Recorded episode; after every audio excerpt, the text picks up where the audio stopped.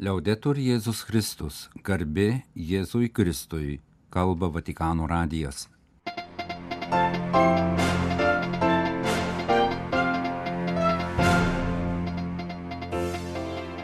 Malonūs klausytojai šioje šeštadienio Liepos 8 programoje. Popiežius laiškų paminėjo savo kelionės į Lampedūzą dešimtasias metinės. Bažnyčia pašaukta eiti užmirštųjų maršrutu.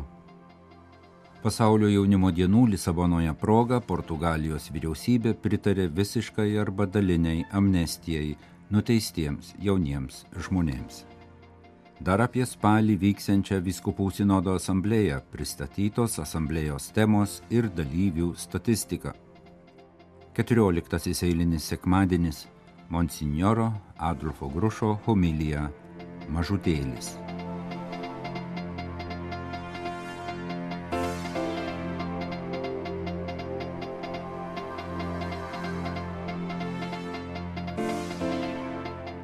Bažnyčia Italijoje įvairiais renginiais mini popiežiaus Pranciškaus pirmosios kelionės dešimtasias metinės. 2013 metais Liepos 8 dieną popiežius Lampedūzos saloje pagerbė viduržėmį jūros tragedijoje žuvusiųjų atminimą ir paliudijo solidarumą žmonėms, kurie po skaudžių patirčių išsilaipino Lampedūzoje.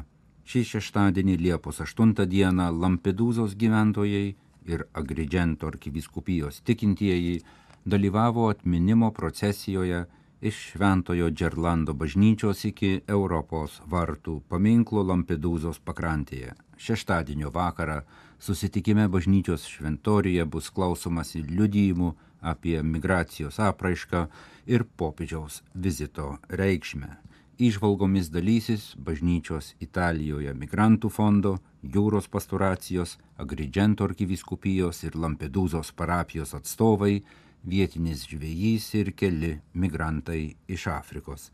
Sekmadienio Liepos 9 priešpėti kardinolas Francesco Montenegro, Agridžento arkivyskupas emeritas, aukos šventasis mišes popiežiaus vizito Lampedūzoje dešimtmečio proga. Taip pat popiežius Pranciškus paminėjo savo kelionės dešimtmetį. Šeštadienio rytą sveikindamas procesijos dalyvius, Agridžento arkivyskupas Alessandro Damiano perdavė Pranciškaus palaiminimą Lampedūzos gyventojams ir perskaitė šią progą jam skirtą popiežiaus laišką. Pranciškus laiškė pažymėjo, kad tebesitęsiančios rimtos tragedijos viduržėmio jūroje yra sukrečiančios nekaltų žmonių, daugiausiai vaikų, ieškančių ramesnio gyvenimo toliau nuo karų ir smurto žūtys, yra kurtinantis skausmo šauksmas, kuriam negalime būti abejingi. Tai visuomenės nebemokančios verkti ir užjausti gėdą, pažymėjo popiežius. Šios baisios nelaimės būtinai turi sukrėsti sąžinės. Dievas toliau mūsų klausia, Adomai, kur tu Kainai, kur tavo brolis, turime keisti savo nusistatymą, patikino Pranciškus. Anot jo, brolis, kuris beldžiasi į mūsų duris, yra vertas mūsų meilės, prieimimo ir visokiojopo rūpestingumo. Jis yra brolis, kaip aš buvo padėtas ant žemės, kad galėtų džiaugtis visu tuo, kas yra joje ir dalytis bendrystėje. Visi esame pašaukti giliai atnaujinti savo atsakomybės jausmą, paliudyti solidarumą ir dalymasi. Nelikime įkalinti baimės ar šališkų interesų, o būkime krikščionys, gebantys dalytis Evangelijos dvasiniais turtais, paragino laiške Lampedūzos arkivyskupui popiežius. Jis pridūrė, bažnyčia, kad būtų tikrai pranašiška, turi nedelsiant eiti užmirštųjų maršrutu, išeiti iš savęs, kad brolybės ir meilės balzamo užgydytų kraujuojančias žaizdas visų, kurių kūnai paženklinti Kristaus žaizdomis. Pirmąją rūpiučio savaitę Lisabonoje vyksančių pasaulinių jaunimo dienų, kuriuose dalyvaus ir popiežius Pranciškus proga, šią savaitę Portugalijos vyriausybė pritarė potvarkiui, kuriuo nustatoma pilna arba dalinė amnestija prasužengusiems jauniems žmonėms. nuo 16 iki 30 metų amžiaus. Pasak Portugalijos vyriausybės, tokiu gestu jie atsiliepia į Pranciškaus kvietimą gyvenimo liudijimu ir mokymu labiau stengtis integruoti su teisingumu konfliktuojančius jaunus žmonės. Potvarkių nustatoma dalinė amnestija nuteistiesiems, kurių bausmės neviršyje 8 metų trukmės. Jų bausmė sutrumpinama metais. Taip pat skiriama amnestija visiems, kurių nusikaltimų padaryta žala neviršyje tūkstančio eurų, o bausmė vienerių metų. Vis dėlto amnestija nebus taikoma padariusiems pačius sunkiausius ar žiauriausius nusikaltimus, pavyzdžiui, prisidėjusiems prie žmogžudystės, nuteistiems už asmens pagrobimą, prievartavimą ir panašiai. Kaip pasakojama Portugalų religinių žinių agentūros Eklezija pranešime, pasaulinių jaunimo dienų organizatoriai jau įvairiais būdais užmesgė kontaktus su nuteistaisiais, kad šis didelis įvykis neplenktų nei vieno. Portugalijos kalėjimų silovados koordinatorius kunigas Jose Luis Costa pasakojo apie kvietimą parašyti laišką nuteistajam nebūtinai krikščionėms, bet ir kitų religijų išpažinėjams arba geros valios asmenėms. Nuteistieji buvo pakviesti apgalvoti ir komentuoti laiško turinį, nebūtinai pritarti, taip pat mesti iššūkį, abejoti, klausinėti. Pasak kalėjimų Silovados koordinatoriaus, pačių pasaulinių jaunimo dienų metu yra numatyti trijų Portugalijos viskupijų savanorių šiuo metu prisidedančių prie šių dienų organizavimo, vizitai kalėjimuose ir susitikimai su kaliniais. Galiausiai galima pridurti, kad trijų kalėjimų globotiniai įsipareigojo pagaminti 150 klausyklų, tiesos ir susitaikymo vietų išpažintiems išklausyti. Jos rūpjūčio pradžioje bus pastatytos vienoje iš Lisabonos erdvių įrengtame atleidimo parke. Jūs klausotės Vatikano radio žinių laidos. Tęsėme programą.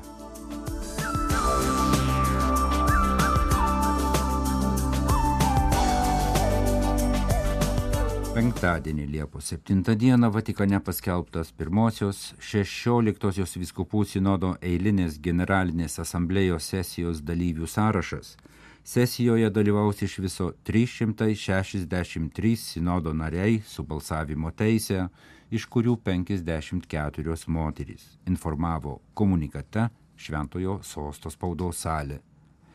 Pirmoji asamblėjos sesija tema dėl sinodinės bažnyčios bendrystė, dalyvavimas ir misija įvyks šių metų spalio 4-29 dienomis Vatikane. Asamblėjos darbai bus padalyti į penkias dalis. Kiekvienoje dalyje vyks sesijos visumos posėdžiai ir posėdžiai darbo grupėse. Keturi asamblėjos skyriai skirti diskusijoms keturiomis darbinio dokumento instrumentum laboris temomis, o penktajame skyriuje bus rengiamos baigiamosios išvados. Keturios asamblėjos darbinio dokumento temos yra Pirmoji - sinodinės bažnyčios integrali patirtis, būdingi ženklai, atsivertimas dvasioje. Antroji - bendrystė, kuri išsiskleidžia, kaip tapti visaverčių vienybės su Dievu ir vieningos žmonijos šeimos ženklų ir įrankių. Trečioji - bendra atsakomybė už misiją, kaip dalytis tarnystės Evangelijai malonėmis ir uždaviniais. Ketvirtoji - dalyvavimas atsakomybės ir valdžios uždaviniai. Kokie sinodinės misionieriškos bažnyčios procesai, struktūros ir institucijos. Asamblėjos sesijai pirmininkaus devyni popiežiaus paskirti pirmininkai delegatai, įskaitant dvi moteris. Tarp 363 sinodo narių 20 atstovaus rytų bažnyčioms.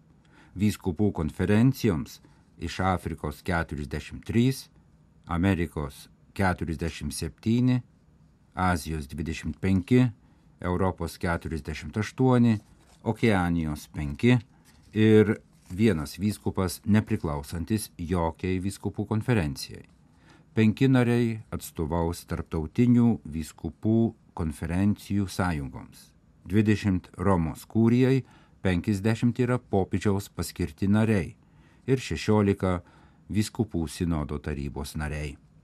Į sinodos sesiją pakviesta 8 svečiai ir 12 broliškų delegatų atstovaujančių ne katalikų bažnyčioms ir bažnytinėms bendruomenėms. Tarp kitų 75 sesijos dalyvių 27 yra asistentai dvasiniams, liturginiams ir teologiniams klausimams. Spaudos salės komunikate patikslinta, kad sesijoje dalyvaus iš viso 85 moterys, iš kurių 52 sinodo narės su balsavimo teise.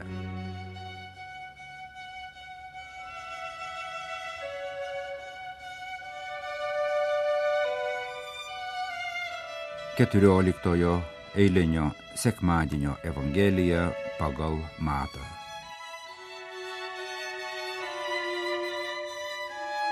Anuo metu Jėzus bylojo. Aš šlovinu tave, tėve, dangaus ir žemės viešpatie, kad paslėpiai tai nuo išmintingųjų ir gudriųjų, o apreiškiai mažutėlėms. Taip, tėve, nes tau taip patiko. Viskas man yra mano tėvo atiduota ir niekas nepažįsta sūnaus tik tėvas. Nei tėvo niekas nepažįsta, tik sūnus ir kam sūnus panorės apreikšti. Ateikite pas mane visi, kurie vargstate ir esate prislėgti, aš jūs atgaivinsiu. Imkite ant savo pečių mano jungą ir mokykitės iš manęs, nes aš romus ir nuolankios širdies, ir jūs rasite savo sieloms atgaivą. Mano jungas švelnus, mano našta lengva.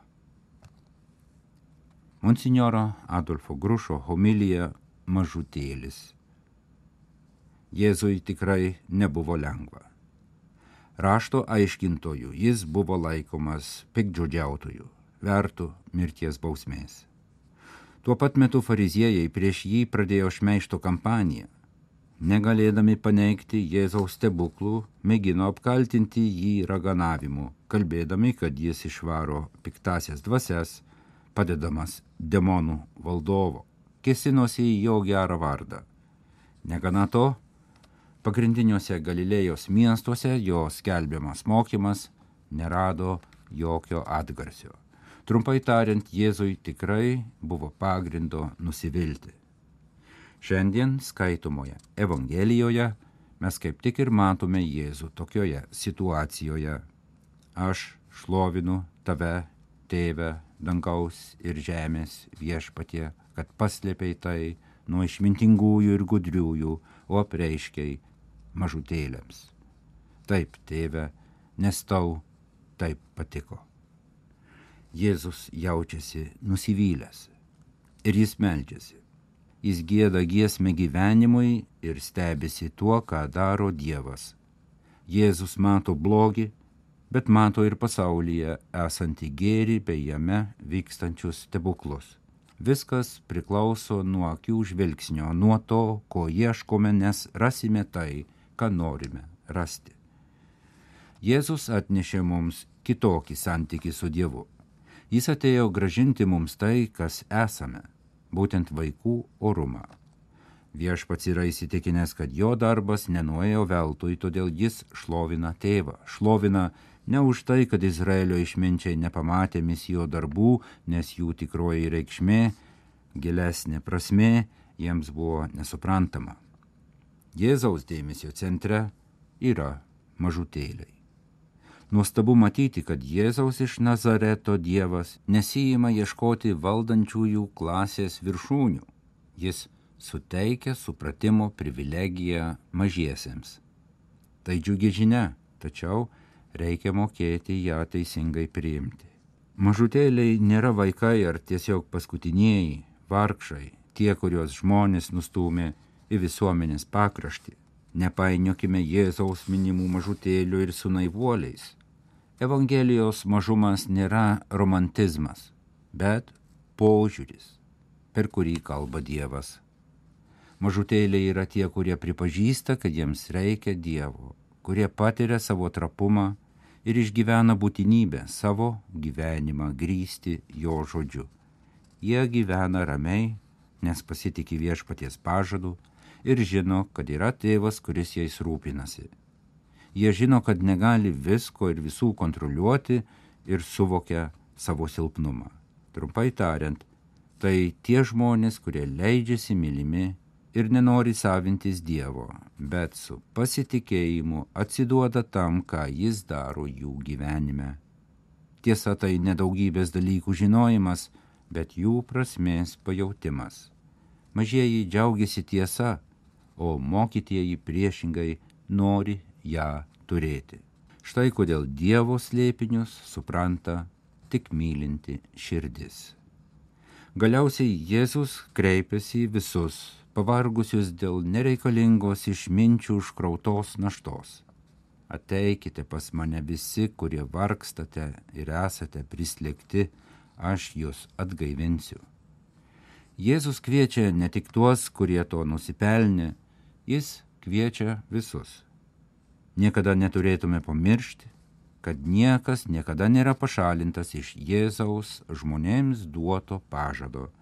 Pavargę ir prislikti buvo jo amžininkai, nebegalėję ištverti slegiančio žydų įstatymo garbinimo su visais jo nurodymais. Nekarta tokie pat pavargę ir prislėgti jaučiamės ir mes.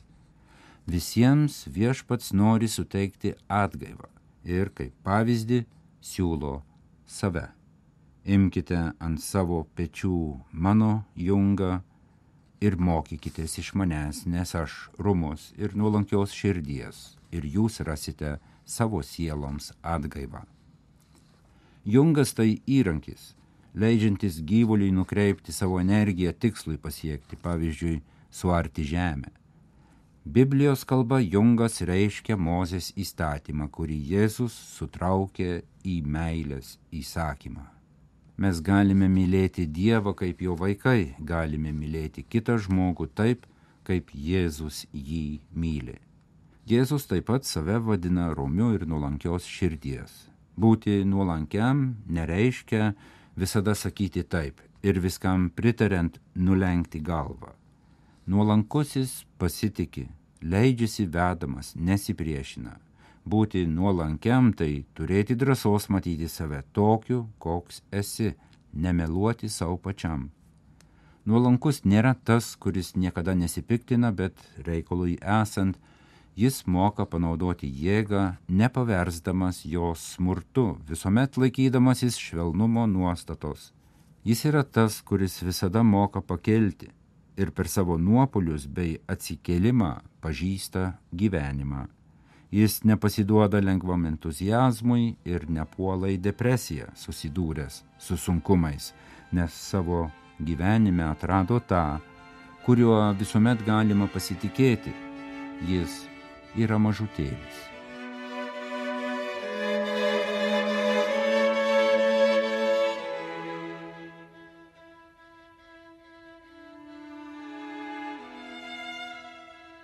Kalba Vatikano radijas laidą lietuvių kalba baigėme garbė Jėzui Kristui, liaudetur Jėzus Kristus.